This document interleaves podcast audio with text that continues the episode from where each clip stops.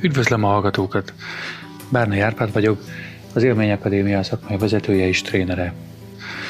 Ez a forrás, az Élmény Akadémia podcastja. Azért indítottuk el, mert szeretnénk beszélgető helyet, találkozó helyet biztosítani szakembereknek, szervezeteknek, közösségeknek, akik valamilyen izgalmas, inspiráló dolgot csinálnak, emberek támogatása, fejlődés támogatása, tanulás támogatása terén, és azt reméljük, hogy mind szakemberek, mind magánemberek számára hasznos és inspiráló lesz. Kicsit egy olyasmi helynek gondoljuk ezt a podcastot, mint ahogy az erdőben egy forráshoz. Ha odaérsz, akkor fel tudsz frissülni, és esetleg találkozol más túrázókkal, vándorokkal, amitől jobb lesz az utad. Szeretnénk meghívni olyan szakembereket is, akik valahogy a természettel dolgoznak, és olyan embereket is, akik valahogy messzebbről kapcsolódnak ezekhez a témákhoz. Az epizód címe Életet megváltoztató tanulás, mivel Nagy Gábor Mápóval volt szerencsém beszélgetni, akit én tanulást támogató profinak látok, és örök tanulónak. Mápó nem csak drámapedagógiával, élménypedagógiával foglalkozik, hanem nagyon izgalmas utat járt be a Bátortábor magas kötőpályájától kezdve a tanulási zónán át a coachingig. Beszélgetünk olyan témákról, mint a stressz és félelem hatása a tanulásra, hogyan lehet segíteni azt, hogy mindezek ellenére akár stresszes helyzetekből is tudjunk tanulni, nagy kihívásokról, életet megváltoztató tanulási élményekről, arról, hogy mekkora felelősséget és szabadságot kapjon egy gyerek, ahogy felnő, és még sok minden másról. Szia Lápó! Hello, Hello Árpi! Hello! Sok mindent lehet róla tudni, meg ha beütöm a neten, hogy Nagy Gábor Mápó, már eleve tudom ezt, hogy Mápót is hozzá kell tenni, akkor izgi, akkor, akkor kijönnek dolgok, még többek. Tanulási zónához, meg bátortáborhoz kapcsolódó dolgok, meg videók, de hogyha nem így a, a netről kéne, hogy bemutasson valaki, vagy te mondanál most épp magadról, akkor te, te hogy szoktad elmondani ezt a sok mindent, amit csinál? Aztán egy dolog van, ami a fő vezér elve a tevékenységének, az valahogy a egyrészt, illetve kettő az egyik az emberekkel való interakciókon keresztüli együttműködés valamilyen formában. Tehát mm-hmm. sose, sose dolgoztam úgy, hogy vagyok egyedül valahol, és akkor így egyedül csak valamit, tehát mindig valahogy emberekkel. És az interakcióknak a formája felőlem az valahogy a, jellemzően a támogatás, segítés, fejlesztés, tanítás, edzés témakörben mozgott, és akkor ennek voltak módszertanban a dráma pedagógiától kezdve az Aikido, vagy a Kung Fu edzőségen át a tavaszali tanulási, meg kötélpályáig, meg mindenféle egyéb tevékenységen, tehát ilyen élethelyzetemző voltam, egy gazdasági cégnél, meg szóval mindenféle csináltam, és hogy jellemzően valahogy mindig ez volt a késztetés, hogy valahogy segítsek az embereknek így tovább jutni, tisztázni, fejlődni, ilyesmi. És akkor ennek a mostani állomása az jellemzően, amit talán címkével azt lehet mondani, hogy tréner és coach és team coach, és sok mindent szoktak az emberek feltenni nevük után. Én azt hiszem leginkább most a, talán a team coach. Most, most éppen azt mondom, ez a fázis van, hogy azzal tudok leginkább azonosulni, tevékenységileg is, tehát hogy mit, miből csinálok, de talán még inkább a módszertani szemléletmódom szempontjából. Tehát valahogy ez a fajta követés, kísérés, nem, nem követés, inkább kísérés jellemző most nagyon az életemben, hogy így teret engedni, tartani a, a, a, a jellemzően talán, én most még azt hiszem inkább csoportokkal dolgozom, hogy arányaiban, ha nézem, egyénekkel, de akár egyének, akár egy csapatnak valahogy teret tartani ahhoz, hogy ők a maguk útját járják abban a térben. Leginkább most ezt, ezt csinálom. Ha a munkám kérdezed, vagy a hivatásom kérdezed, akkor az valami ilyesmi. Uh-huh. És a csapat az, az egy, mondjuk egy, egy szervezetben dolgozó csapat többnyire, vagy, vagy kikre gondoljanak, akik, akik még nem hallottak Jellemzően igen. Aha. Hát jellemzően igen. Igen, tehát igen, a munkámnak a jó, jó nagy részét az valamilyen jellemzően az üzleti szférában működő szervezet.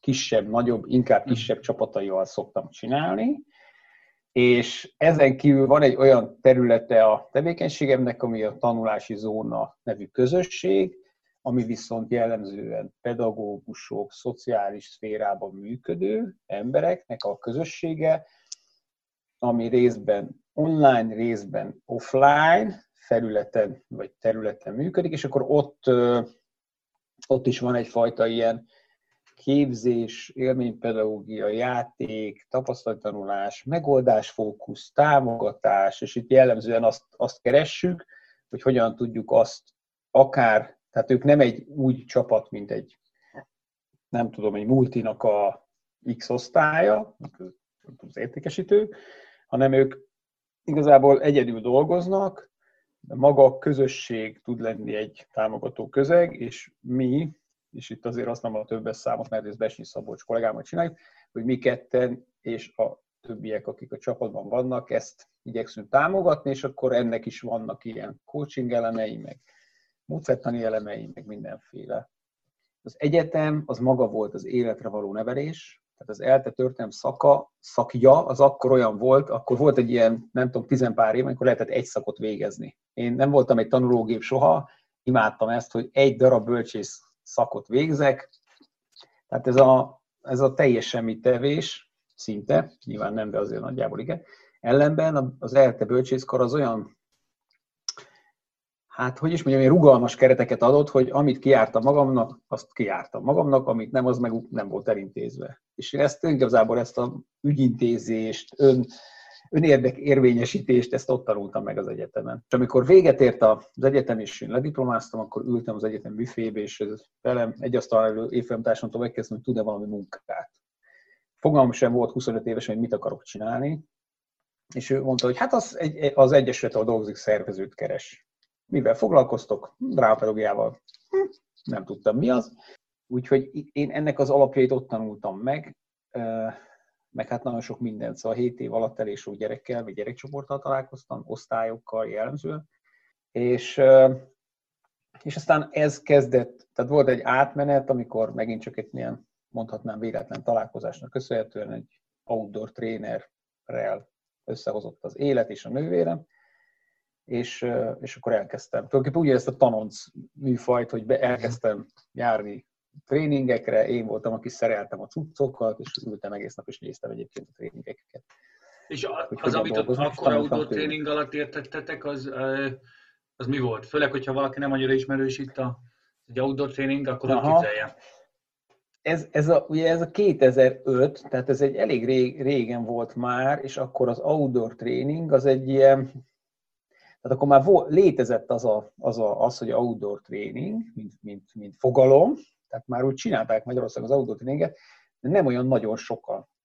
És nekem nagy szerencsém volt, bár nincs ilyen, hogy szerencse, de hogy szóval az, az egy nagyon jó lehetőség volt, hogy én két olyan ember mellé kerültem, akik nagyon az eleje óta ott voltak, nagyon más közegből érkeztek, nagyon más tip, személyiségtípusok voltak, nagyon, ő, ők egyébként nagyon sokat küzdöttek is egymással, úgyhogy egy napon születtek, szóval ez egy nagyon izgalmas páros volt, én nagyon-nagyon-nagyon sokat tanultam ott a két embertől, és, és az az outdoor training volt, tehát hogy ez kifejezetten az a, mondhatnám azt, hogy tapasztalati tanulás tréning, hogy gyakorlat, és annak mentén dolgozunk a csoportnak a valóságban lévő helyzetével, kihívásaival, problémáival, kérdéseivel, amit a gyakorlatok katalizálnak.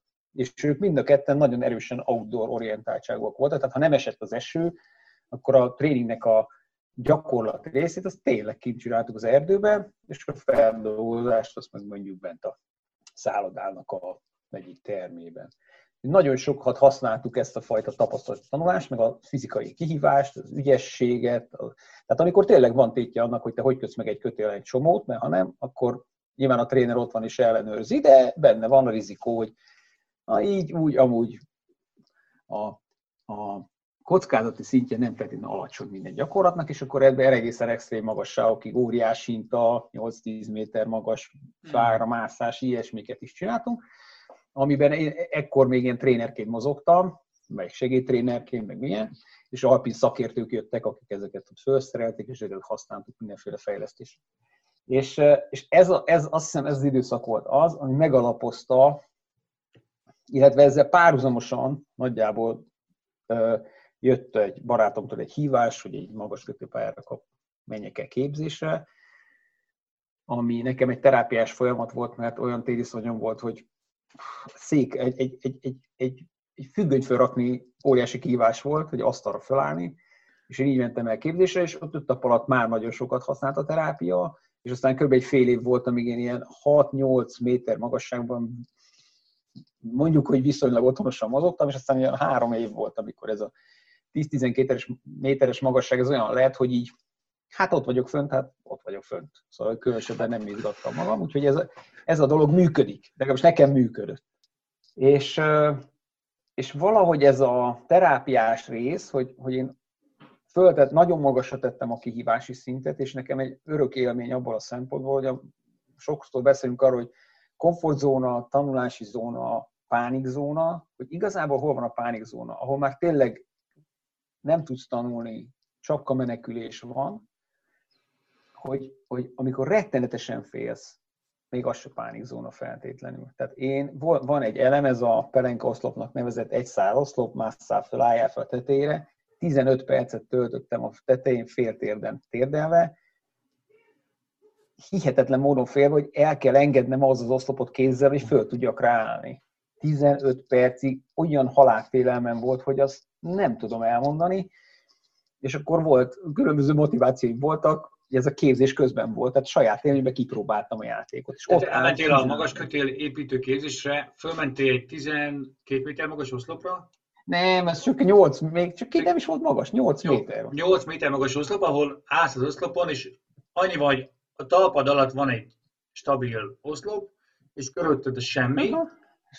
és onnét kell, hogy elugorjál, és hát még fölállás, előbb állom. Igen, és a fölállás közben ott te térden állva vagy. Igen, ez egyik térden az oszlop, tehát igen, legalább, de nem tudom, lehet, hogy két óra volt, csak egy 15 percek emlékszem. Természetesen biztosítva voltam, tehát az agyam tudta, hogy nem esek le. De hát, ugye, ez nem sokat számít. Uh-huh. És, és hát ott voltak, nézték a képzők, a társaim, és hát úgy voltam vele, hogy most ez nagyon, nagyon gáz, ha nem tudok fölállni. Egyrészt meg kínos, ugye egy képzésen nem megcsinálni, másrészt nekem magamnak is, hogy uh-huh. hát ez, ez, ez így nem jó. Addig, addig még rávettem magam, hogy felálljak, felálltam, és, és innentől kezdve folyamatosan mindig jött minden. Tehát amikor menteni kell egy szituációban, kint vagy egy, egy darab drótkötére állsz, kantárot tart valahogy, és akkor közben az emberen kapcsolgatsz mindent. És hát ez, ez tehát nem az, hogy kapaszkodok így oszlopba és állok így, hanem ott minden mozog, minden vár. És még tudnom kéne azt is, hogy mit kell csinálni, mert azt sem tudom. Szóval közben ilyen nagyon, nagyon masszív élményeim voltak, vagy mindezt úgy, hogy így lógok egy, lógok egy kicsi karabinen, és akkor ki kell csigálva menni, mert ott közben valahol drótkötén elakadt valaki, és tehát ilyen nagyon-nagyon gázszituk voltak már a félelem szempontjából. Viszont minden egyes alkalommal megtapasztaltam azt, hogy hiába félek rettenetesen, képes vagyok működni, ér, érdemben vagyok képes működni, tehát azt csinálva, amit kell csinálni, és túlélem. És igazából nekem például, ha a batyú, batyút kérdezed, akkor ez az időszak volt az, ami nagyon megmutatta, hogy nincs olyan, hogy lehetetlen. A félelem szempontjából. Tehát hiába félek bármitől rettenetesen, azon mindenen túl lehet menni. És én utána tíz évig vezettem egy kötélpályát, a Bátor Tábor alapítványnak a magas kötélpályát, és nagyon sokszor volt olyan, hogy nagyon hitelesen tudtam segíteni annak, vagy átérezni azt, aki azt mondta, hogy ő nagyon félő, nem megy föl. Mondtam, hogy hát ez szuper, én is innen indultam, és hogy az a, az a gondolat, hogy a, a fél, az, hogy fél valaki, az, az, az tök oké. Okay. Tehát mindig fogunk félni. Ez, szoktak ilyen mm. nagy mondásokat mondani, hogy aki nem fél, az, az, az így, az így pszichésen nincs rendben. Tehát olyan nincs, hogy semmitől nem félsz. És ez nem is baj. Tök jó, féljél. Az a kérdés, hogy a félelem ami a fejedben létezik csak, az, vagy valahol létezik, de teljesen szubjektív valami, az mennyire korlátoz abban, hogy megteszel-e valamit, vagy nem.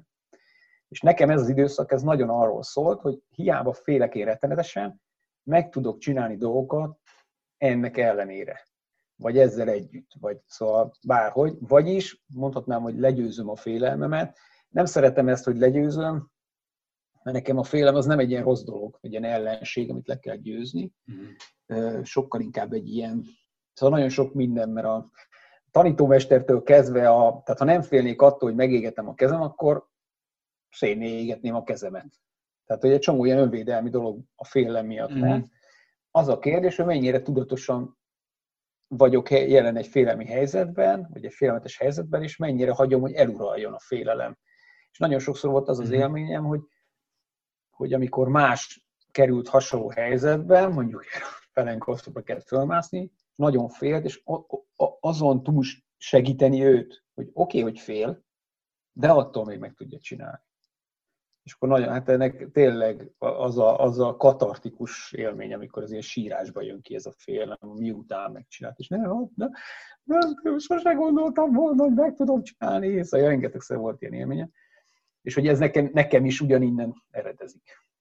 Fú, figyelj, és ez egy, majd mindjárt mehetünk tovább is itt a, mert elég izgalmas út, meg megemlítettél, hogy tíz év bátortábor.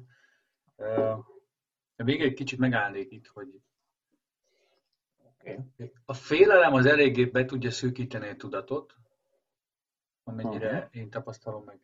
Meg azért, ja, ezt így kutatják is elég sokat. És ja, egy elég adaptív érzés így evolúciósan. A medvétől hasznos félni, főleg, ha így ismeretlen medvéket találkozol, mert fene tudja, hogy lehet barátságos, de mégis. Igen.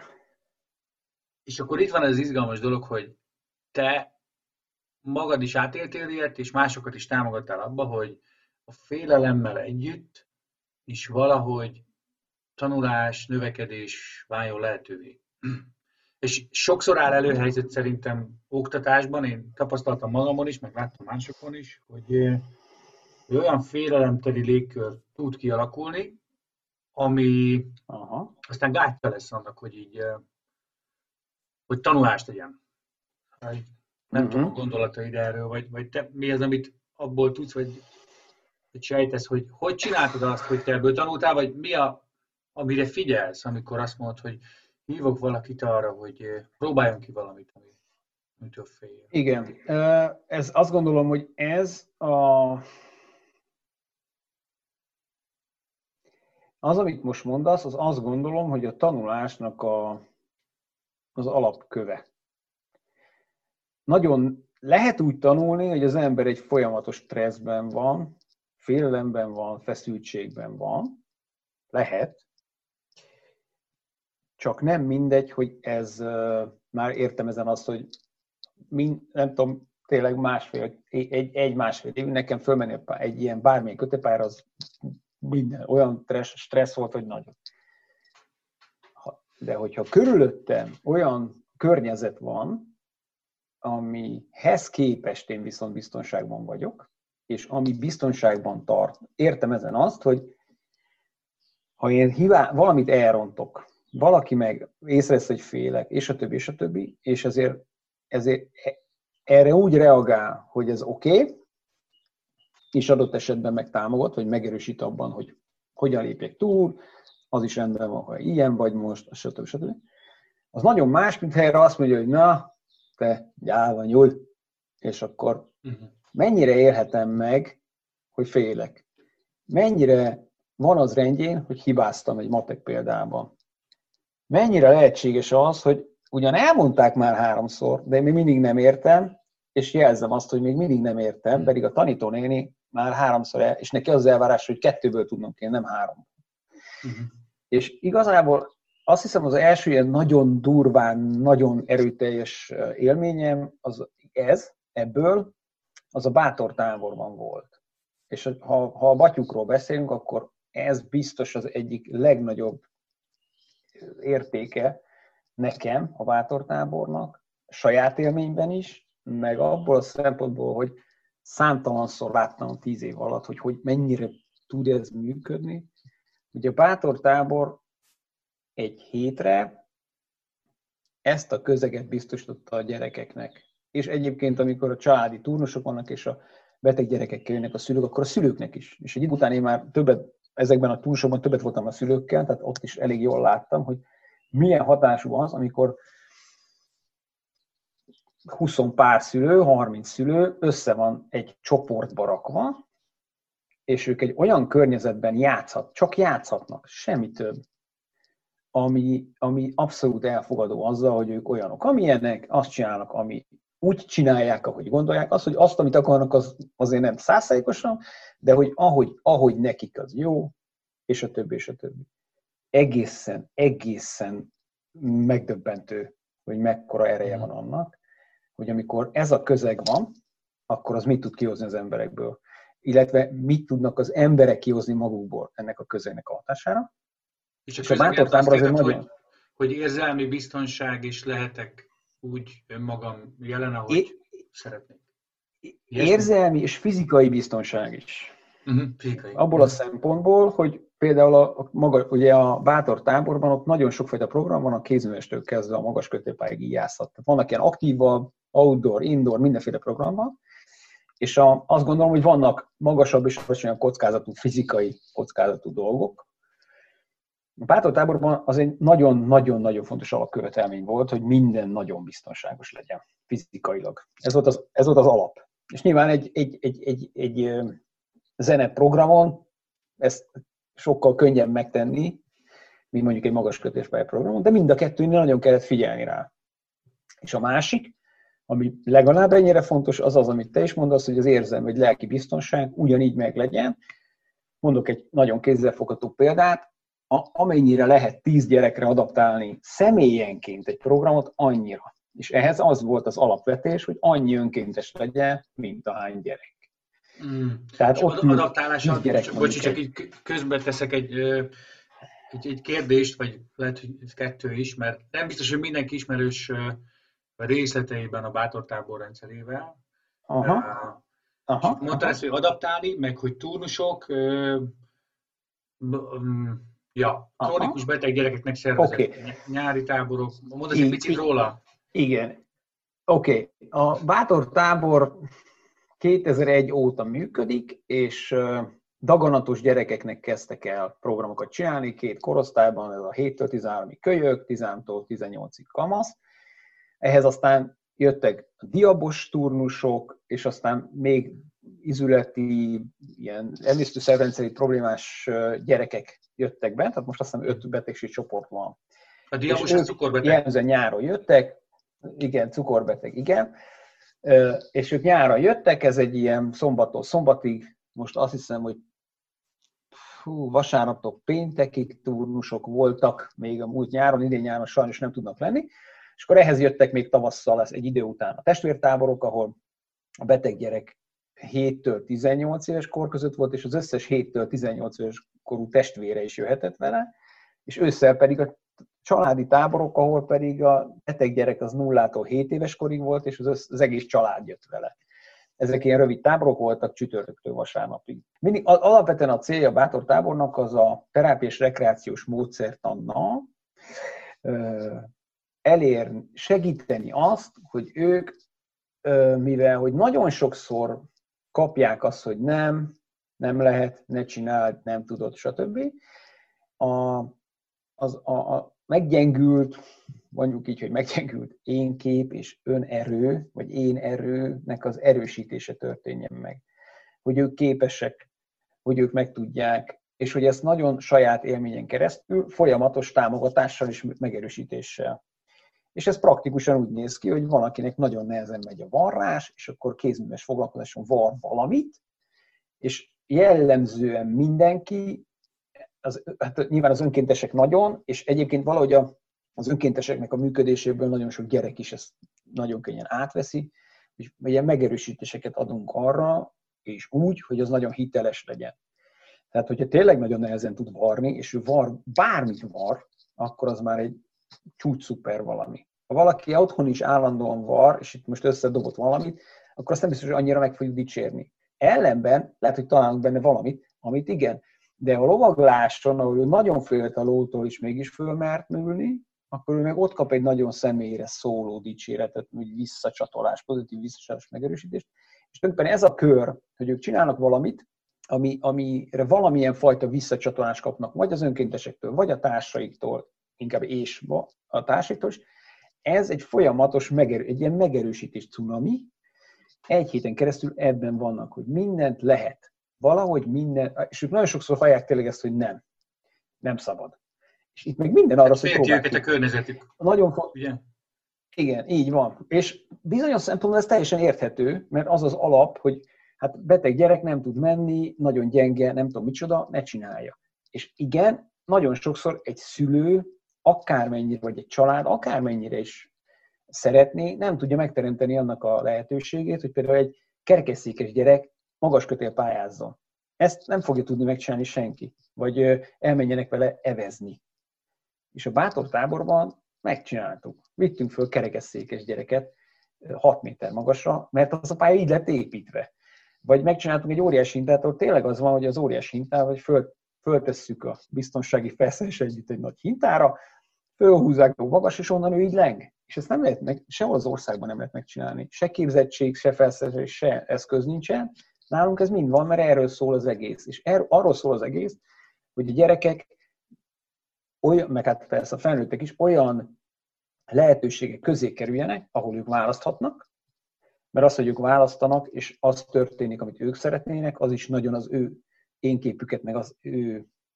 Nekem mindig a bátor táborról az az angol szó jut eszembe, hogy ken.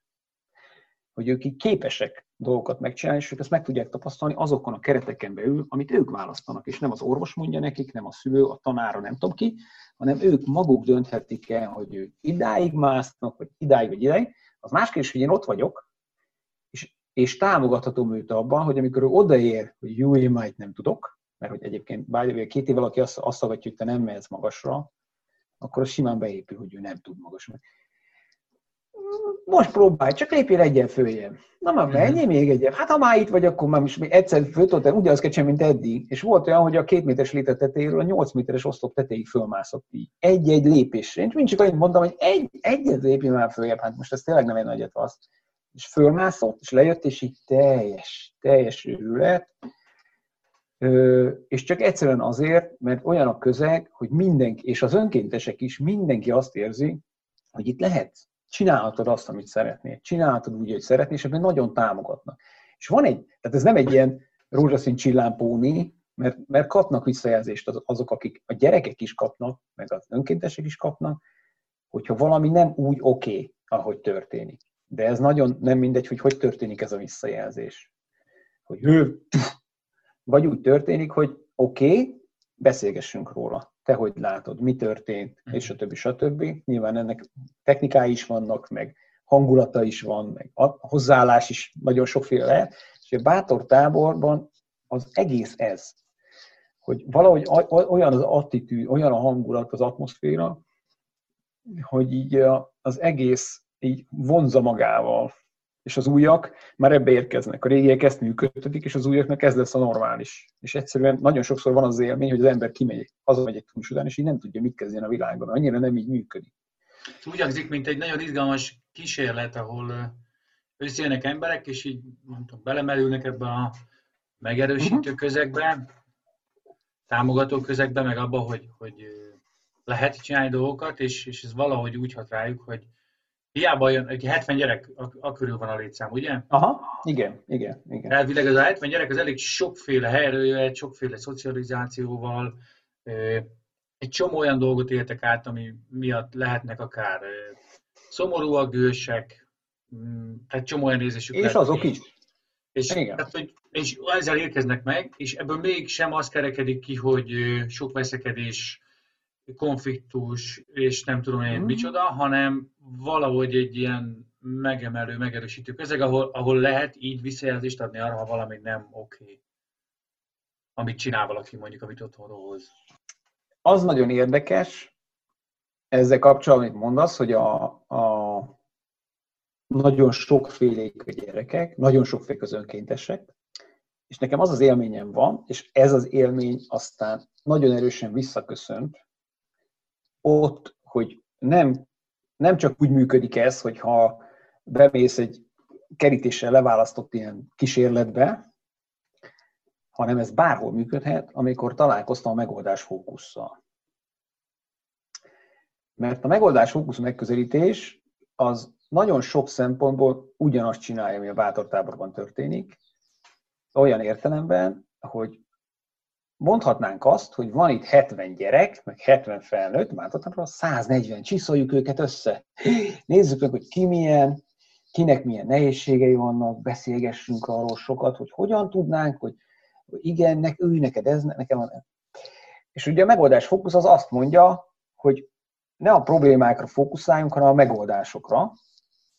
És nem, már nem tudom, kitől hallottam ezt, hogy amikor van egy osztály, nekem ez egy nagyon jó példa, hogy van egy osztály, amiben mondjuk van egy olyan probléma, mondjuk legyen a kiközösítés. Foglalkozhatunk a kiközösítéssel magával, a problémával, azokkal, akik csinálják, az áldozattal, és akkor ezt így hosszan foglalkozhatunk azzal, hogy mitől van, hogyan oldjuk majd meg, hogyha már megtudtuk az okokat, nem tudom.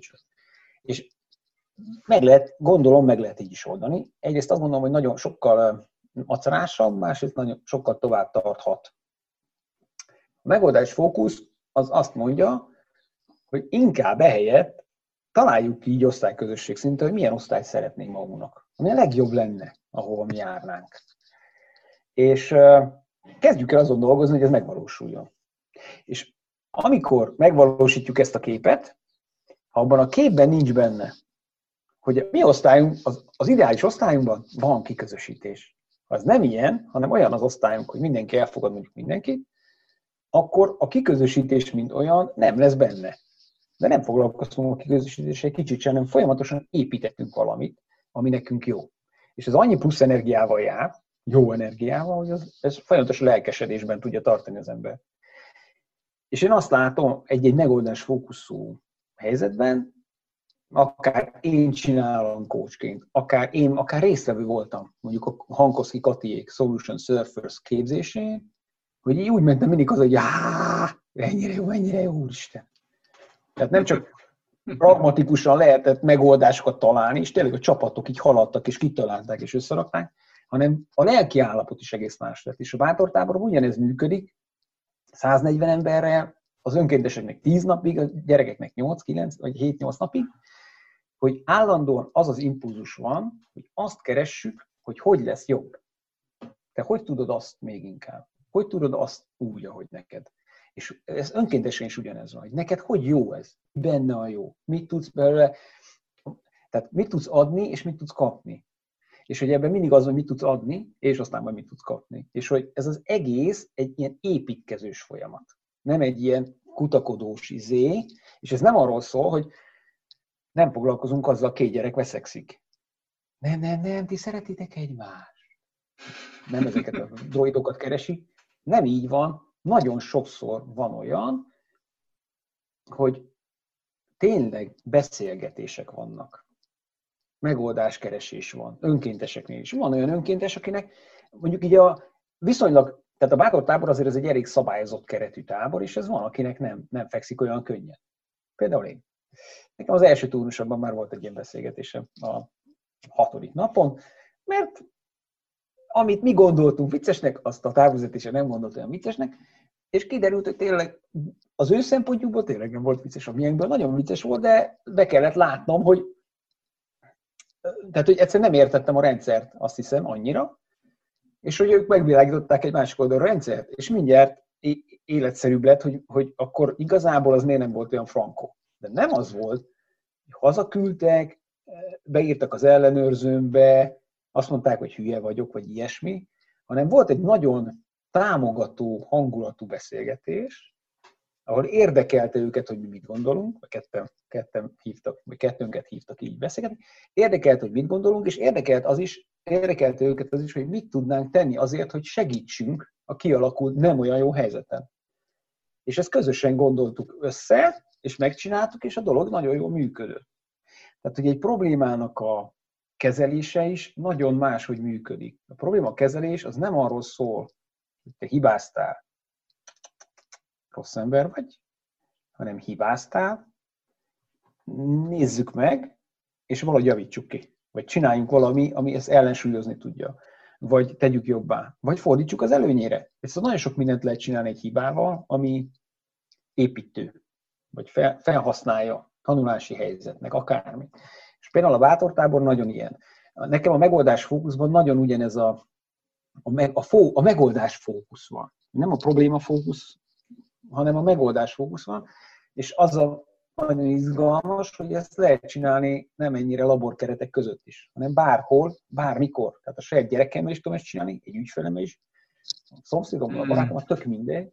Hogyha azt mondom, hogy hello, itt most valami nem működik, és nem mondom, hogy ez mind... Például, hát a gyerekeim a legnagyobb tanítómestereim, tehát az, hogy türelemmel, megoldásfókusszal mindig, hát, az nem. Nagyon messze vagyok ettől. De amikor el tudom kapni magamat, meg őket is így, akkor ilyen nagyon-nagyon-nagyon izgalmas pillanatok történnek. És az ügyfelekkel is. Szóval, hogy nagyon, e, e, ebben ilyen nagyon-nagyon sok, és az az érdekes, hogy mennyire új ez nagyon sokaknak. Mennyire nem tudnak, uh-huh. mit kezdeni vele. Mert hogy azt gondolom, hogy általánosságban meg azért ez, ez nem ez az elterjedt. Hogy, uh-huh.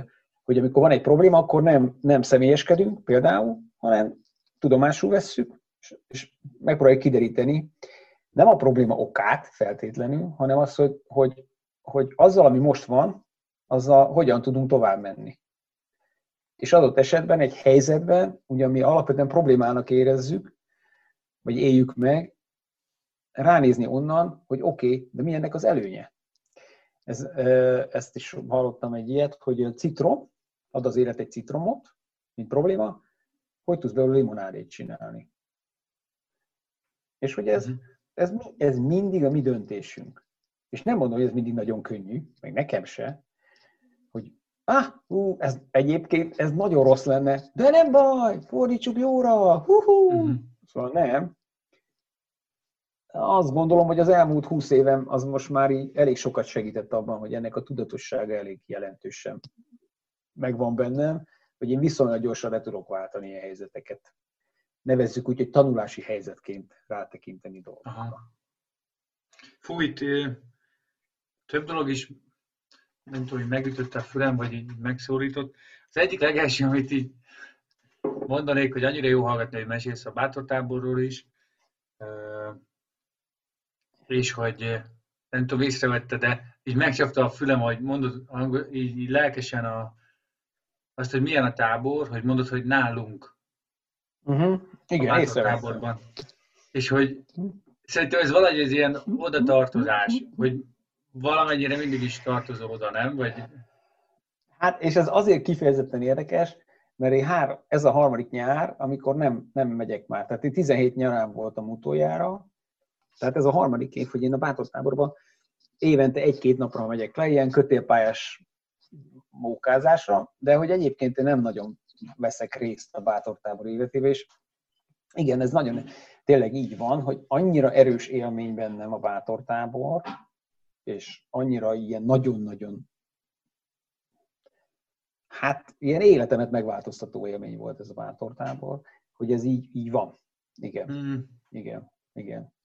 Egyébként ez tényleg nagyon, nagyon van így, hogy bátortáboros önkéntesnek lenni, az egy, az egy ilyen identitás most már szerintem. Illetve nyilván nem mindenkinek, tehát nem mindenkinek ilyen őrület ez, hogy tíz évig van. Inkább általában azt, úgy tudom, hogy ilyen két-három év az önkéntesek élettartama, mondjuk így. De hogy nagyon-nagyon sok önkéntes így van a bátor táborról, hogy egy ilyen teljes elkötelezettséggel is. Azért izgi ez, mert sokszor a ilyen közbeszéd, vagy ahogy, ahogy gondolkodunk tanulásról, azt szokott elhangozni, vagy olyasmi képek használ a nyelv, vagy használunk, hogy van egy tanító, meg egy tanuló, és akkor tanítótól a tanuló felé mennek a dolgok, és hogy átmegye, meg megtanulta, tehát egy ilyen, ilyen egyirányúnak tűnik a dolog. És most, uh-huh. ahogy mesélsz, így nagyon hangos ebből, hogy azok a gyerekek azért mennek oda, hogy ők egy sokkal személyesebb szinten, de tanuljanak, valamit adjon ez nekik, ami, amitől több lesznek képesek, jobban lesznek a bőrükben. És aki ezt lehetővé teszi, az legalább ennyit kap. Így most, ahogy hallgatlak. Tehát, hogy élet megváltoztató, azért, na, ez egy elég jó példa erre, hogy ez, ez kölcsönös. Abszolút. Hmm. Abszolút, és igazából azt gondolom, hogy hogy a tanítás kicsit visszacsatolva, hogy milyen körül környezet jó egy tanítási helyzetnek, hogy azt gondolom, hogy picit más, de, de nagyon hasonlít, egy tréner kollégám fogalmazta ezt így meg, hogy akkor jó egy tréning, ha a tréner jól érzi magát. És hogy az, ezt úgy változtatnám, hogy akkor jó egy tréning, ha a tréner tanul vele valamit. Szóval, és ez coachként talán lehet, hogy még inkább igaz. Mert azt hiszem trénerként, bár én azt már inkább képzőnek hívom, amikor kvázi képzést tartok, tehát valamire képzek embereket, mondjuk a kötélpályán az alapfokú képzés, ami onnan indult, hogy ez egy kötél, kedves tanítvány, és hogy megtanultak egy csomó dolgot, technikai dolgot, biztonsági dolgot, ilyesmi. Egy coaching helyzetben nem tanítok az égvilágon semmit.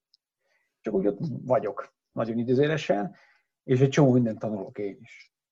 Magamról, csoportról, dinamikáról, kérdezéstechnikáról, egy csomó mindenről. A tréner az valahol talán így a kettő közt van, mert a tréner is tulajdonképpen taníthat azért valamit. Azt gondolom, hogy az is nagyon nem mindegy, hogy hogyan tanítok, és hogy ez a fajta kölcsönösség, ez, ez szóval én, én nekem például az sosem volt kérdéses, hogy nem hagyományos iskolába fog járni a gyerekem.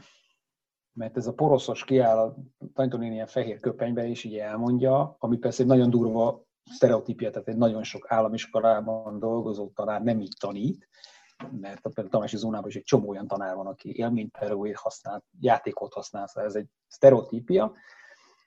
De hogy a, azt gondolom, hogy az alternatív iskolákban azért ez, ez sokkal, maga a közeg sokkal jobban támogatja, míg, míg sok tanár, aki államiban tanít, de nagyon alternatív, az, az egy ilyen sokkal nagyobb híró, mert hihetetlen körülményekkel szemben kell tudni ezt megcsinálni. Viszont mindenkire valahogy az jellemző, hogy egyrészt a gyerek van a fókuszban, adott esetben egy felnőtt, nem én, és, és hogy, hogy ha, ha én úgy vagyok ott, hogy nem én vagyok a, megmondom én neked, és akkor az az igaz, hanem tulajdonképpen teret engedek, teret engedek annak, hogy te meg én, ti valahogy fedezzetek fel dolgokat. És akkor én azért vagyok ott, hogy adott esetben válaszoljak egy kérdésre, ami neked segít abban, hogy tovább menj. Adott esetben adjak egy tanácsot, amiről én azt gondolom, hogy jó lehet, de azért ez nem mindegy, hogy utasítás, kérés, tanács, lehetőség, sok minden lehet. Vagy azért vagyok ott, hogy ott legyek.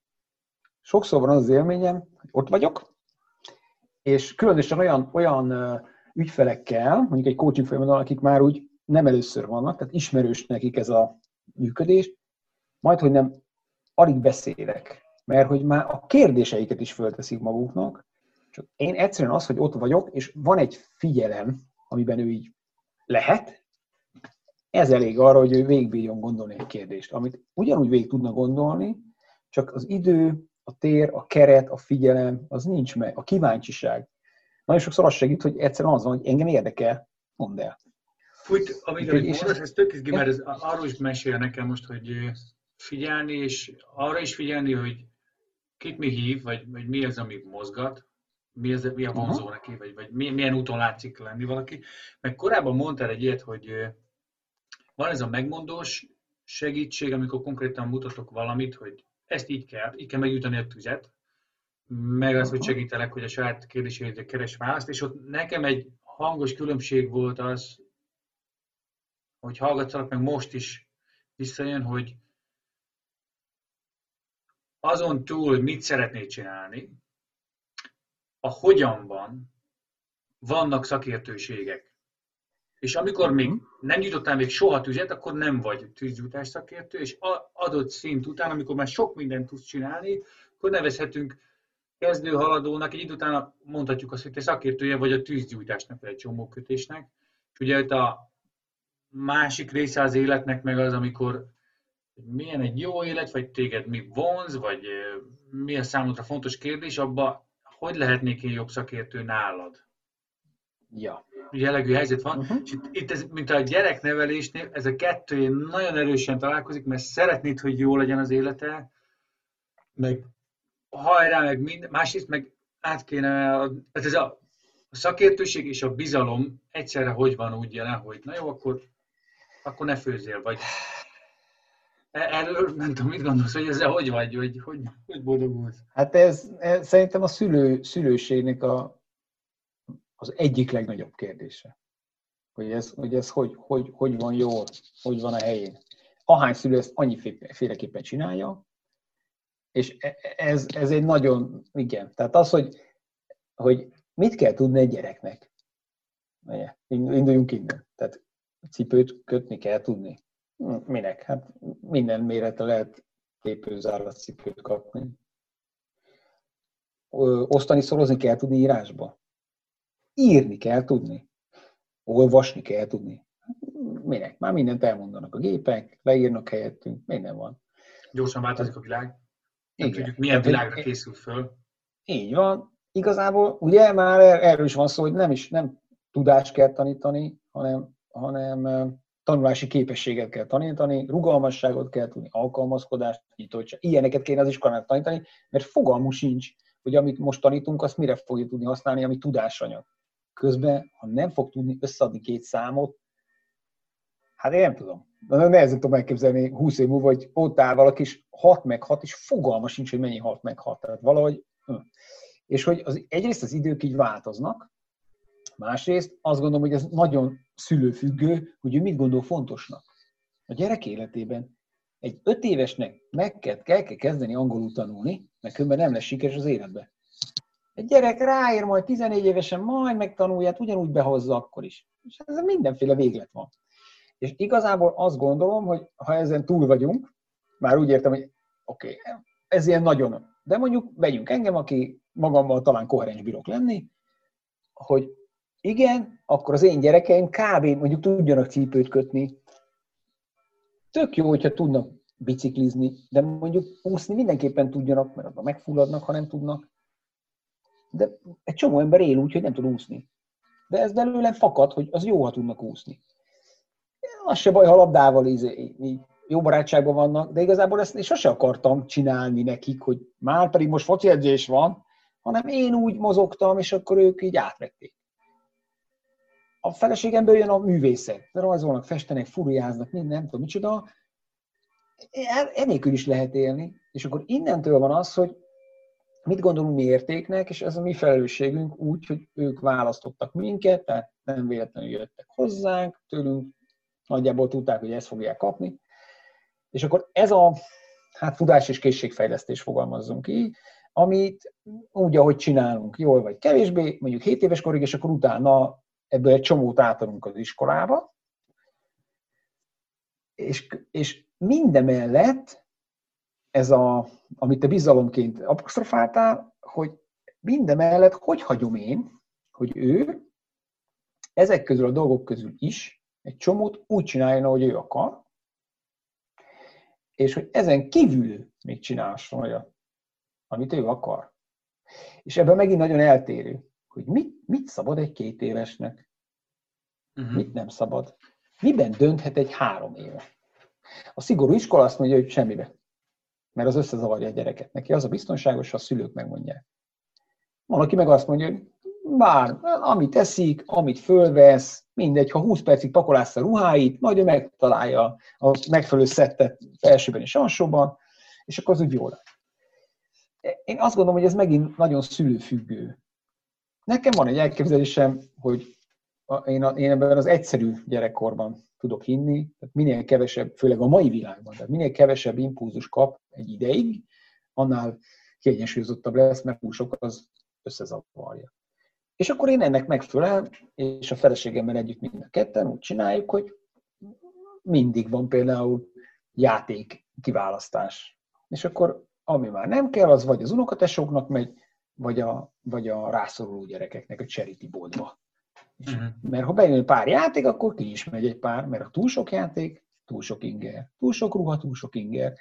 És ez megy egy darabig, és aztán eljön majd az idő, amikor ők már ebben dönthetnek. Most már ilyen 8-10 éves korukban már, már az, hogy mit vesznek föl, teljesen rájuk van bízva.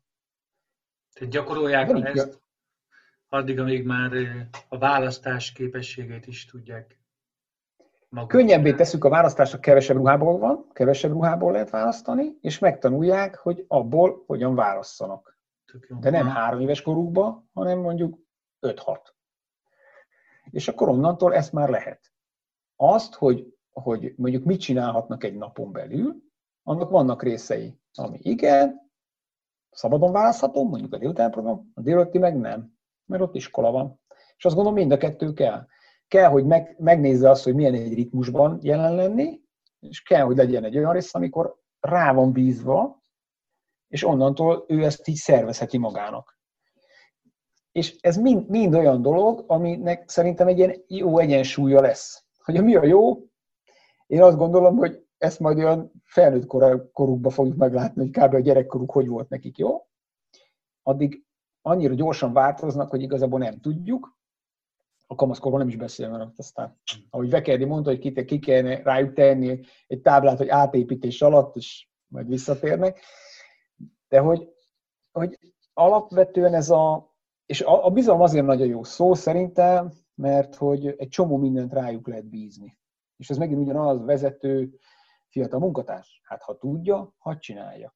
És én támogassam abban, hogy csinálja. És amit te mondtál nekem még nagyon a megoldás fókuszú pályafutásom elején, illetve nem is nekem mondtad, hanem azon a ösvény konferencián, amikor Laszlos Kejval tartottátok azt a workshopot, mm-hmm. hogy amikor te így, így együtt vagy intézetis gyerekekkel, vagy nevelő otthonos gyerekekkel, hogy te mit látsz benne. A probléma csomagot, vagy azt a, azt a lehetőséget, ami benne van, ami ő lehet. És hogy azt hiszem, ez, ez egy ilyen nagyon fontos eleme ennek a bizalomnak. Hogy én azt látom benne, hogy ő képes. Azt uh-huh. látom benne, hogy ő meg fogja tudni oldani. Mert ha én azt látom benne, nekem az, amikor ezt így mondtad, ott azért nagyon-nagyon át, átjött, hogy me, mennyire befolyásol az, hogy én mit látok a másik emberben. Mert ő ezt fogja tudni. És egy gyerek, hát a gyereké meg aztán egy egybe, főleg a szüleitől így leveszi. Hogy engem most képtelennek néznek, vagy képesnek néznek. Aha. És onnan, ha, ha én mindig képesnek nézem őt, de őszintén, tehát nem azért, mert azt mondta Mápo a podcastben, hogy nézzétek képesnek a gyerekeiteket, hanem tényleg azt gondolom, hogy ő képes fölmászni, akkor ő azt fogja magára gondolni, hogy képes fölmászni, és én megtehetem, hogy odaállok mögé. Mert mindig történhet bármi, de nem azt fogom mondani, hogy nem ásszál föl, mert béna vagy. És ő se azt fog érezni. Persze mennyiért, de közben magamban azt gondolom, hogy jaj, jaj, jaj, jaj, jaj, ne fog esni, ne fog esni, jaj, és ott állok ki. Próbáljuk meg. Igen, ez nagyon jó. Igen, próbáld meg. És egyébként a próba, egyébként ez nagyon érdekes, mert ha azt mondom a próbálna meg, hogy ez egy ilyen lehetőség, amiben hibázhatsz, az nagyon jó nagyon sok helyen, sok módon használják ezt, hogy kihívás, meg hagyd el a komfortzónádat. Nagyon sok mindent értenek ez alatt. Uh-huh. Nekem van benne egy kis idegenkedés is ezzel kapcsolatban, hogy igazából nem tudom, hogy mit mondunk, amikor ezt mondjuk sokszor. És sokszor hallottam olyat is, hogy valaki ezt arra használta ilyen önigazolásként, vagy, vagy nem tudom, érvként, hogy, hogy miért, miért lehet erőszakosabb vagy kényszerítő mással, hogy olyan helyzetbe lögdösse úgymond bele, ami, amit a másik nem akar. Vagy, a, vagy, vagy adódnak ebből olyan következtetések is, hogy a tanulásnak fájni kell, vagy ha nem, ha, nem, ha nem rohadt nehéz, akkor nem is igazán adott semmit. Vagy... Meg először legyen kudarc, és majd abból tanulunk. I, igen, igen, igen, kudarc nélkül nincs tanulás. Tehát hogy, hogy valahogy a szenvedés mindig a része a, ezeknek a narratíváknak, amit, amitől így valahogy úgy, hát idegenkedek. És nagyon izgalmas, amikről mesélsz, mert ott van kihívás, van olyan, hogy akár félelmetes is valami, és mégis úgy élik meg, meg úgy jönnek ki onnét az emberek, hogy úgy vannak benne, hogy ez egy, ahogy mondtad, életre szóló élmény, és egy, egy, egy ilyen megerősítő, megemelő változás, amiben jól vannak. Hogy így erről gondolatok, nem tudom, te hogy látod ezt, hogy, hogy kihívásba hogy jó hívni valakit, főleg, hogy most így azt mondtad, hogy azt figyelni, hogy mire képes. Na, hol, hol vagy most ezen a területen. Én azt, a, megint csak a, nekem a kötélpálya az abból szempontból nagyon plastikus, hogy például az óriás inta, amilyen húzzák, húzzák, húzzák, húzzák, vagy a pelenka azt hogy menni kell, ott tényleg az van, itt a kihívás, itt, a ki, itt már nagyon félsz. Oké, okay? itt, itt, itt, még, még, jó, jó, jó. Tehát igazából ez mind ki, kihívásként éli meg, és az a, nekem ebben mindig az nagyon izgalmas, hogy hol van az, amikor azt mondja ő, hogy nincs tovább. Egyrészt. Másrészt, és tényleg nincs tovább. És én, én tehát nekünk a képzésen, amikor a kötélpályás képzést tartunk, az egy nagyon fontos része volt a képzésnek, több körben is foglalkoztunk vele, hogy te nem csak azért vagy ott, hogy működtes, biztonsíts eszközöket, ne? hanem hogy az emberrel tudjál bánni jól, segíteni.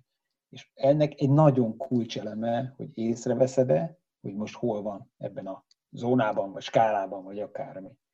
Itt mi, oké, tök, tök oké, itt már fél, igen, mert nem biztos, valaki mondja, van, aki nem mondja. Van, aki azt mondja, hogy nem tudja, de igazából egy csomó tud, és van az, amikor már tényleg nincs tovább. És te elkezded nyomni, de, föl tudsz menni, jó, jó, jó, és akkor ő fölmegy azért, mert szeret téged, meg akar felelni, pont olyan vagy, mint a szülei, és ugyanazt csinálod, és elalá, ott van körülötte 15 csoport, és meg tudod csinálni, jó, jó, és akkor vele megy abba, ami neki már túl sok. Észreveszem én ezt. Ha igen, azt gondolom jó, ha nem, az nem olyan jó.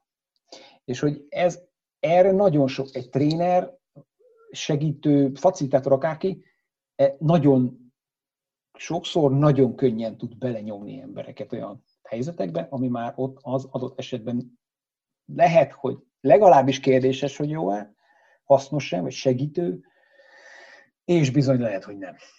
Utólag kiderül be. És van olyan, volt már olyan is, hogy utólag kiderült, hogy igen, mi mindig azt tanítottuk, hogy inkább lőd alul, mint fölül. Tehát inkább legyen unalmas, ha nagyon szélsőségesen nézem, mint pánikos. Pont azért, mert az unalomból kimenni könnyebb újra, mint a pánik után elkezdeni megint akarni ilyen kihívásokat teljesíteni. És ezért ez egy nagyon nagy felelősség szerintem, hogy, hogy ezeket a kihívási szinteket hova tesszük ilyen helyzetekben. Ugye a mhm. másik, amikor ez a ráhagyósabb tanulás van, egy coaching helyzet, ahol én sokkal inkább csak kísérem, ott meg, ott meg azt gondolom, hogy azzal szerencsés és jó, hogyha a kihívási szintet a csapat magának rakja föl. Hogy mit hoznak ők be? Mi mhm. az a téma, ami tényleg ott van az asztalon? És az milyen mélységben akar előkerülni?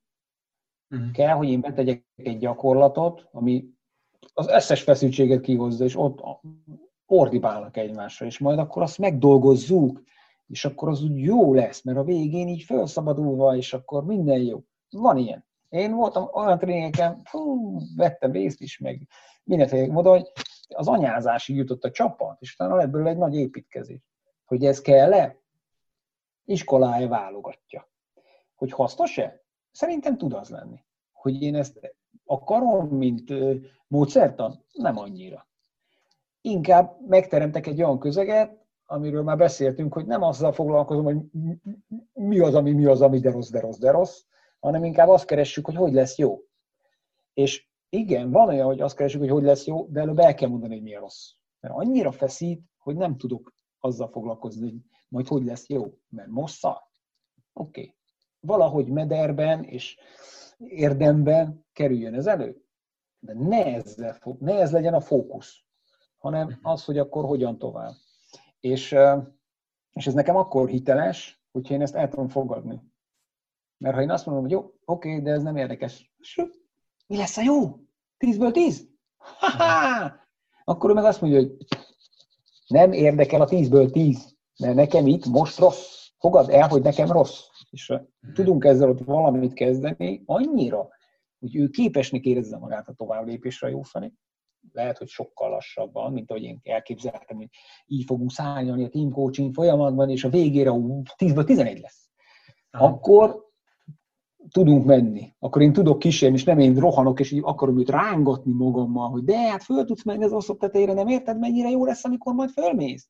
Uh-huh. Nem érti. Nem érti. Az Isten apró, lép, apró lépésekben fokozatosan. Adott esetben igen, és, mhm. és, és az, hogy igen, tehát, hogy ne én, ne én akarjam őt fölrángatni oda, hanem maximum, vagy így, vagy szóval, hogy valahogy úgy, hogy az, abban ő legyen az, aki mutatja az utat. És én uh-huh. ahhoz képest tegyek, ha úgy érzem. Nyilván itt ez megint az én felelősségem, hogy meg a képzettségem, tapasztalatom, hogy én ezt mennyire érzem, és ebben nagyon sokat lehet fejlődni. Tehát ez nagyon látszott, hogy a, a kezdők, mondjuk egy ilyen kötőpályás helyzetben, meg a, mondjuk a programtartóik a legmagasabb szinten voltak, köztük milyen érzékenységi rálátásbeli különbség volt egy ilyen helyzetre. Uh-huh. Hogy amikor ő ott áll, és akkor így nem tud mit kezdeni, és akkor oda megy egy ilyen expertebb ember, és egy pár mondattal ezt ott helyre teszi az embert, aki 8 méteren világát se tudja annyira fél. Szóval, hogy nagyon, ebben nagyon sokat lehet egyszerűen csak a gyakorlástól, meg az érzékenyítéstől, vagy érzékenyedéstől fejlődni, és, és hogy azt gondolom, hogy ez a alapvetően csinálunk olyan gyakorlatot, ami, ami tuti kudarc. Ez egy érdekes kérdés volt, erről beszélgettünk több körben, hogy akarjuk-e tudatosan belenyomni őket a kudarcba, hogy akkor látjátok? Ilyenek vagytok, látjátok? Na, akkor fejlődjetek. Csináljátok meg újra, tanuljatok az elsőből, és lássátok, hogy milyen ügyesek lettetek. Hát a régi iskola, vagy hát az én régi működésem erősen hordozta ezt a szemléletet. Most már azt gondolom, hogy ne, szándékosan nem csinálnék ilyet semmiképp, és alapvetően nem, nem, nem gondolom, hogy ez, a, ez az út. És ami nagyon érdekes, hogy azt látom, hogy ahol ez, ez, ez a fajta megközelítés ebben gyakorlottabbak az emberek, meg akár többedik alkalmat találkozok vele, ott azt sokkal jobban be is tudják építeni abban az adott helyzetben.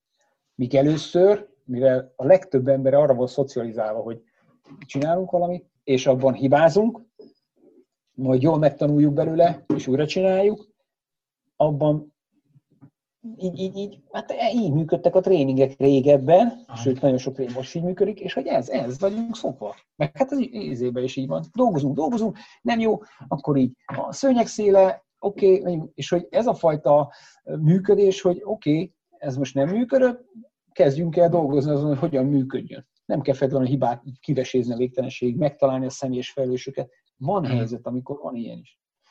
Csak hogy azt hiszem a fókusz nem mindegy, hogy hol van, és akkor a kihívási szint is ahhoz képest jól tud működni, hogyha nem én akarom feltétlenül, hogy olyan értelemben tud jól működni, hogy nekik az lesz az igazán motiváló kihívás, amit ők maguknak találnak motiválónak maguknak. Aha, nem az, amit én, én mondok. Illetve, ha én mondom, és az nagyon motiváló, az azt jelenti, hogy ez tőlem van.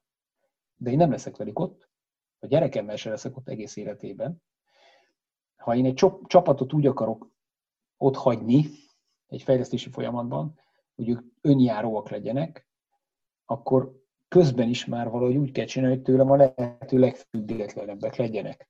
Hogy azt hiszem Hészan Moon, talán ő mondta, hogy ha egy, egynél többször megy egy ügyfélhez, kócsként, akkor valamit elrontott. Ő. És hogy ez, ez egy ilyen talán szélsőség, mert lehet, hogy kétszer is el lehet menni egy ügyfélhez, de hogy alapvetően az a, az a gondolkodáspont, hogy én akkor segítek, hogy amikor mi interakció voltunk, utána önjáróval válik azon a területen, az, az szerintem nagyon zseniális. A feleslegessé válás Igen. cél. Ja. Igen. És figyelj már, most így emlegetted a coachingot, most így, mert sokan, tehát így emlékszem, amikor én is ezzel találkoztam először, akkor így nagyon a kérdésekről szólt. Tehát, hogy, hogy a jó kérdés, a jó kérdező, és hogy, meg, hogy melyik kérdés a melyik után, vagy hogy ezen így agyal az ember. Ez talán mint egy első fogózó egy tanulásba, hogy ez tűnik föl leginkább, hogy az ott történik. Nagyon. Kérdéskártyákkal kócsoltam, ami kim volt előttem az asztalon. Jó, most mit kell kérdezni? Igen. És hogy, hogy ez tök, ja, egy, egy út elején ez tök értető. És aztán, amíg, ahogy hallgatlak, nagyon sok minden másról is szólt. Mondtad ezt, hogy, hogy figyelem, kíváncsiság, meg egy olyan fajta jelenlét, amit ez is jellemez, és vannak benne kérdések is. Most így hol vagy ezzel, hogy, hogy te most... Neked miről szól most ez a coaching? Tudod, ilyen könnyű kérdéseket dolgok, de... Igen, igen, ez így. vagyok, hogy... Igen.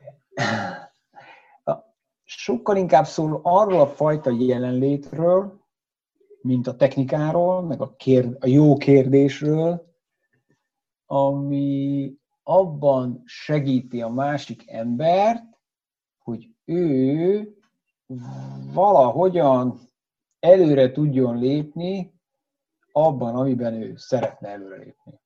És ebben benne van a figyelem, benne van a nyitottság, benne van a kíváncsiság, benne van a támogatás. Egy kicsi részben nyilván ez verbális, részben nonverbális, egy része a kérdezés, de hogy alapvetően azt hiszem inkább az, az van most, hogy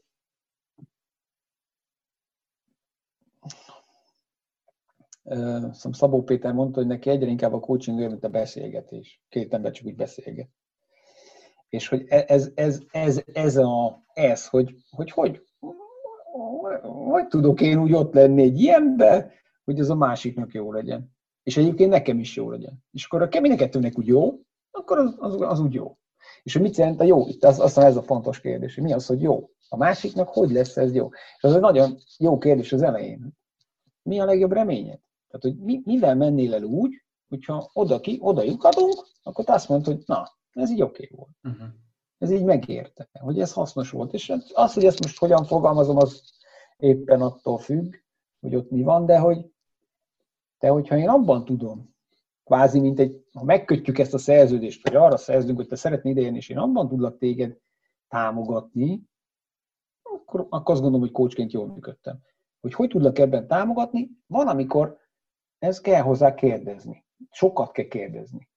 Van, amikor nem kell semmi. Föltesz a saját kérdéseit, elmondja a saját válaszait, és a végén megvan. És hát az, de jó kész. Van, amikor mondani kell. Van, amikor az van, hogy én mondjak valamit konkrétan, mert én neki kell valami kapaszkodó. Szóval, és itt megint az van, hogy mennyire tudom én levenni, hogy ez most róla szól, rólam, én akarom mondani a nagy igazságot, vagy róla szól, és tényleg most én azzal tovább tudom őt segíteni, adok neki egy másik aspektus. Mm. És persze, hogy hogy fogalmazom azt meg? Mennyire, mennyire tudok megengedő lenni egy tanácssal, vagy egy véleménnyel. Nekem a, a, a, például, ami Hankosz Katiba az egyik legnyűgözőbb számomra, ez. Hogy ő úgy tud fölvetni dolgokat, mint hogyha az egy ilyen, nem, mint hogyha az egy fölvetés lenne az még véletlenül se vélemény vagy tanács, talán vélemény, de tanácsnak aztán végképp nem. De még az is inkább kérdésformában van feltéve, uh-huh. hogy így, mi lenne, hogyha úgy lenne, hogy a web tudom micsoda, és azt érzem, hogy olyan, olyan nyitott a, a, a lehetőség, amit ezzel föltesz, hogy nagyon élem azt, hogy ez egy lehetőség, amin én gondolkodhatok. És nincs benne az, hogy Hát a coach azt kérdezte, tehát nekem azt kéne gondolni, hogy a coach azt kérdez, tehát igazából ezzel azt akarja, olyan kérdés, de azt akarja mondani, hogy ez így jó.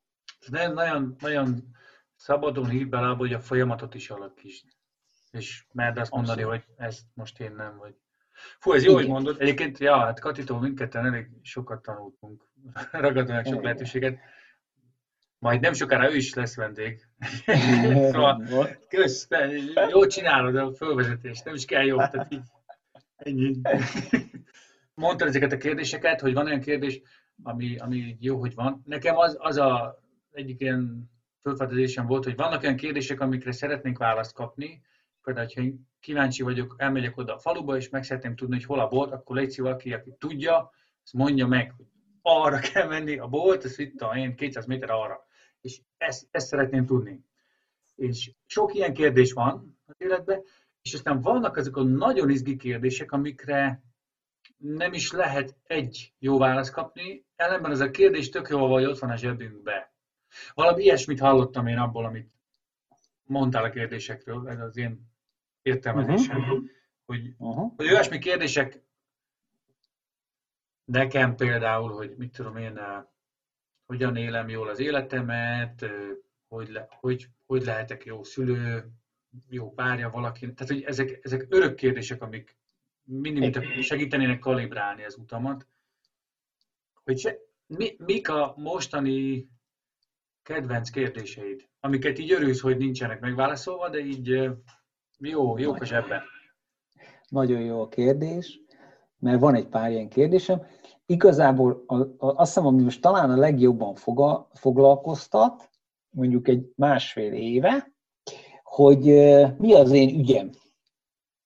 A, hogyha így a életciklusokat nézzük, akkor ugye 42 év, az egy nagy forduló, a 21 a kvázi felnőtt lesz az ember, 42-nél pedig így, így, így amit így 21 éves koráig le, így összerakott magának minden élét, azt így 42-ig így megvalósítja, és akkor 42 után így megérkezik egy ilyen, egy ilyen, egy ilyen bölcses, olyan értelemben bölcsebb valahogy, hogy ami 42-ig így összeállt, azt így el lehet kezdeni így talán így kifelé már vinni. Mert úgy, meg, úgy már kicsit úgy át, át, átjárta őt, és hogy, és hogy hol, hol van ez az én életemben a 45-hez közeledve, hogy így, hogy így ez a kifelé mi az ügy, a küldetés, Ilyen, ilyesmi. Uh-huh. És hogy ez formálódik így most már lassan, hát több mint egy éve, hogy, hogy vannak ilyen nagy vezérfonalak, vagy ilyen főirányok, de hogy, de hogy ez így, ez így a, a, a mindennapokban, én több dolog, soha nem csináltam csak egy dolgot, most sem csinálom csak egy dolgot, és hogy, hogy, hogy, hogy van egy ilyen igényem, lenne egy igényem, hogy ez úgy akár egy, egy ügyé, legyek egy ügyű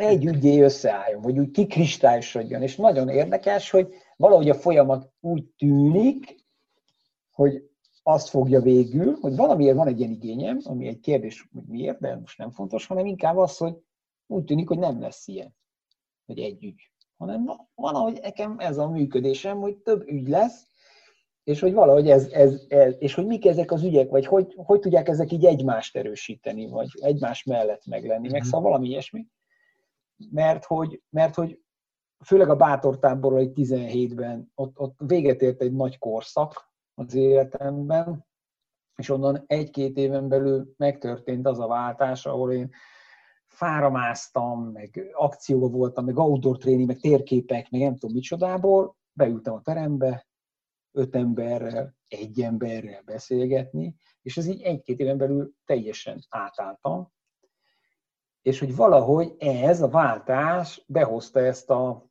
oké, okay, oké, okay, de akkor most az életem az merre megy. És hogy most ez, ez egy nagyon izgalmas dolog. A másik, ami mióta gyerekem van, az örök kérdés, hogy ez hogy jó, hogy jó csinálni ezt a gyereknevelést.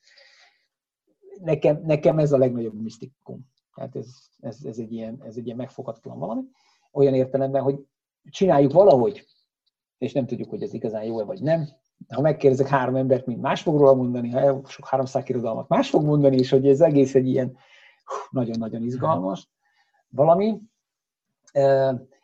És, és igazából a, a, a, harmadik kérdés, hát nem, azt tulajdonképpen azt az ügyhöz tartozik, hogy mik azok a, tehát a munkán túl, mik azok a területei az életemnek, vagy hogy vannak azok a területek az életemben, amivel így ami így, így, így ami mozgat engem, és, és mondjuk a, ha az ügyet nem csak így kifejezetten a munkára nézem, bár alapvetően valahogy ez a, ez a manifestálódás az életemben, hogy hogyan dolgozom, bár igazából ez a munka sem az a klasszikus reggel 8-tól délután 5 dolgozás, hanem inkább ilyen hivatás jellegű, hogy, hogy, hogy ezekben milyen aspektusok vannak mert azért engem most már elég 20-25 éve foglalkoztat a érzéken túli világoknak, a szellemvilágoknak a jelenléten, meg a működése, meg nem tudom csoda.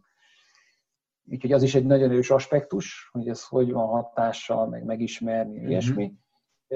És például, hogy ez hogy, hogy kapcsolódik össze a kvázi földi jelenléttel, munkával. Tehát mondjuk egy ilyen spirituális szemléletű coaching, vagy team coaching az milyen és akkor ezek mm. így, így mozognak folyamatosan, hogy és ebben mindig így impulzusok jönnek, elmegyek egy képzésre, elmegyek egy másikra, ez így összeolvad azzal, és szóval, hogy, hogy azt hiszem ezek, ezek a kérdések, amik egy ilyen, túl egy ilyen életközépi válságon, hogy akkor na, most mit fogok csinálni, most ez, ez olyan formálódni látszik már. Uh-huh. A kis káosz után, ami tavaly wow.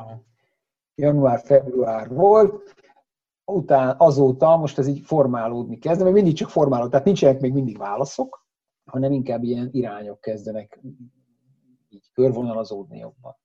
És akkor ezen belül pedig vannak dolgok. tehát ilyen hmm. specifikusabbak. Hogy a coaching, hogy az antropozófia, hogy a trénerség, hogy milyen... Antropozófia az a Waldorfos Hát inkább, igen, igen, igen mondhatni, vagy inkább a Waldorf az antropozófiának egy, egy az oktatással foglalkozó leányvállalata, hogy, hogy ezek így hogy, hogy, hogy, hogy vannak. Igen, ah. igen, igen. Szóval, hogy, és, hogy és a tanulási zóna, és uh, arról még mondasz egy pár szót azért, hogy Tanulási zóna, igen, hát, ja igen, és hát ugye ez a munka irány, hogy akkor hogy vagyok ezzel a közösség építéssel, vezetéssel, hogy van ez, hogy jelenléttel? Én, én vezetem, vezessük együtt, csináljuk, működtesse magát a közösség. Szóval ugye, hogy ezt is hogy jó igazán csinálni, hogy mi a mostani időknek a szava, hogy egy közösség mitől lesz közösség, hogy működik jól, úgy, hogy ahogy tehát az formálódik bennem így három év alatt, hogy igazából mi mit akarunk tőle, a benne lévők mit akarnak, ez az egész a világban, hogy, hogy van helye, és hogy ez nem egy ilyen fix valami, hogy ez így kell csinálni és kész, hanem inkább így, így figyeljük, hogy ez hogy mozog bennünk, bennük, a világban, és hogy mit tudunk hozzáadni úgy azoknak az embereknek az érték, akik benne vannak, unblock, hogy tudunk valahogy értéket teremteni, ugye, ami a világot is előrébb viszi, és hogy ennek nyilván van egy nagyon praktikus részei, hogy akkor hány hetente rakjunk fel játékot, hogy ne legyen sok, ne legyen kevés. Van egy ilyen hogy is mondjam, egy ilyen interakciós része, hogy akkor erről, erről hogy, tudunk, hogy tudunk beszélgetni 3-400 emberrel érdemben, hogy tudunk olyat csinálni, mi nekik tényleg jó, honnan tudjuk egyáltalán, hogy nekik mi a jó. És akkor ugye itt már a marketing, meg az értékesítés, meg mindenféle dolog bejön, uh-huh. De hogy összességében azt gondolom, hogy van a, a tanulási zóna az egy olyan fajta küldetés, ami, ami, amiben van egy nagy ív. Számszakilag ebben még nincs, nincs benne ez az ív, de hogyha mondjuk a 130 ezer pedagógusból lenne benne 20 ezer, most van mondjuk 400, akkor azt gondolom, hogy ez egy komoly mhm. hatás lenne a, a emberközpontú pedagógiára, hogy mi ezt hívjuk, és ennek technikai része, vagy módszertan része lehet élménypedagógia, drámapedagógia, nagyon sok minden lehet. Uh-huh. Lehet, hogy az össz globális magyar oktatásra tudnánk még nagyobb hatással lenni. Nem biztos, hogy kell, hogy ilyen nagy big picture-ben nézzük a dolgokat, tehát most egyelőre kicsiben nézzük, hogy azt látjuk, hogy van egy nagyon erős mag, aki, aki nagyon sokat profitálnak ebből. Rendszeresen ott vannak, használják, stb. Persze van egy olyan mag, ami meg ezt sokkal kevésbé használja, de azt gondolom, hogy ez teljesen formális és természetes és hogy valahogy ezt, ezt, ezt keressük, hogy, hogy hogyan lehet például építkezni ezzel a maggal közösen. Hogy tudjuk őket olyanba bevonni, amit mondjuk az elején még csak mit csináltunk, de most azt gondoljuk, hogy már ők is bőven kész vannak arra. És akkor ez megint a fejlesztés támogatás, hogy ők élménypedagógiában, játékpedagógiában egyre jártasabbak, és hogy tudják például a gyakorlottabbak tanítani, segíteni a, a kevésbé gyakorlottakat, vagy kezdőket. És akkor megint ott vagyunk, hogy nem nekünk kell csinálni, mert sokkal jobb, ha ők egymással csinálják ezt. Vagy, vagy nem mi tanítunk benneteket, mert mi vagyunk a nagy élménypedagógusok, hanem tanuljunk közösen. Mert hiszen hát ez mégiscsak egy kölcsönös folyamat, és amikor úgy vagyok ott egy élménypedagógiai találkozón, hogy én, én vagyok a nem tudom, mondjuk én vagyok a vezetője ennek a találkozónak, és ülök egy, egy fél csoporta, ahol az egyik részevő tart élménypedagógiai foglalkozást a többieknek, feldolgozza, és utána az a metodika, hogy utána én a metafeldolgozást vezetem. És leülök, és azt mondom, hogy hát én akár kiismertnék. Mert ez így, így, ahogy van, ez így. És, azt, és ott, ott vagyok, hogy az a valaki, aki ezt ott levezette, az nem azért, mert én annyira jó vagyok, de jellemzően akik itt vannak, ők kevésbé gyakorlottak, mint mi, simán. Tehát ennél jobban nem is biztos, hogy jobban lehetne volna vezetni. Akár a játékot, akár a mm. feldolgozást. És ezt így megélni, ja, és közben így felírtam magamnak, hogy akkor én, én mit tanultam abból, amit ő csinál. Ez zseniális élmény. Amikor az az élményem van, hogy na ez, amit most csináltatok, ez így kerek, és ehhez pont nem kellettem volna már egy kicsit se. Hogy ebből ti tanuljatok, hogy működjön, hogy dinamikailag. Fú, ezt jól lehet megélni. Ez nagyon jó. Ez nagyon zseniális. Nagyon és, zseniális. És akkor tanároknak van ez a, ez a kb. 400 fős közössége online, és találkoztak offline is, ha lehet. Uh-huh. rendszeresen találkozunk, sőt... Az ügy, ügynek, nem? Vagy nem tudom, most úgy hangzott, de ezt lehet, hogy csak én mondom, magyarázom bele. A karantén időszakban találkozunk online is, időről hmm. játszunk együtt. Egyrészt, hogy ők tanuljanak olyan játékokat, amiket aztán tudnak használni, és nem kell hozzá technika, tehát csak a Zoom és minden más az élőben hmm. otthon zajlik, semmilyen egyéb használ, hogy ne, ne kell bonyolítani. Találkozunk offline, és én, az én fejemben egy ilyen nagy zóna találkozó, a Élményeszencia konferencia, ami most az ötödik lesz októberben, ha uh-huh. nem úgy akarja, ötödik. mert oda ők ötödik, igen, igen, úgyhogy nagyon jubiláris, vagy jubileumi, vagy hogy hívják ezt, és ott nagyon sok zónatag van, persze ott nagyon sokan, tehát ilyen 150-160 fő, és hát az egy nap, de hát zseniális. Az is, az is zseniális, hogy igazából ott az emberek, oda meghívunk mindig olyan embereket, akik a maguk területén szerintem nagyon jók, például az Élmény Akadémiából is, meg máshonnan, és társterületekről, és akkor egy uh-huh. ilyen élménypedagógiai dzsembori az egész, uh-huh. ahol uh-huh. nagyon jó. Akkor most tervezitek, hogy lesz azért ősszel? Abszolút tervezzük. A, a, az elsődleges cél az az, hogy legyen személyes. A másodlagos cél, hogyha nem, akkor lehet, hogy megcsináljuk online valahol, nem tudjuk. Azon mi nem gondolkodtunk, mert szeretnék személyesen. Igen, igen. Hát októberben ki tudja még mi lesz. És ha valaki el akar érni, akkor mivel lehet téged keresni, és hol? Nagyon jó, köszönöm a kérdést, nagyon jó. Ö, igen, hát ez egy érdekes kérdés. Ö, azt hiszem a legjobb, legjobb csatorna erre a Facebook. Ö, és ott a Nagy Gábor néven futok, úgyhogy úgy lehet engem megtalálni. Azt hiszem át fogom írni Nagy Gábor mápóra, csak nem jöttem rá, hogy hogy kell, hogy egyértelműen én legyek. És akkor ott lehet nekem üzenni, meg én ott lehet egy kicsit követni, hogy én körülbelül hogyan működöm, mert hogy így miket posztolok, miket osztok meg, mm. és az Optimus Training. Tehát nekem van egy Nagy Gábor, mint magánember profil, az nyilván egy kicsit más, az Optimus az sokkal inkább szakmai.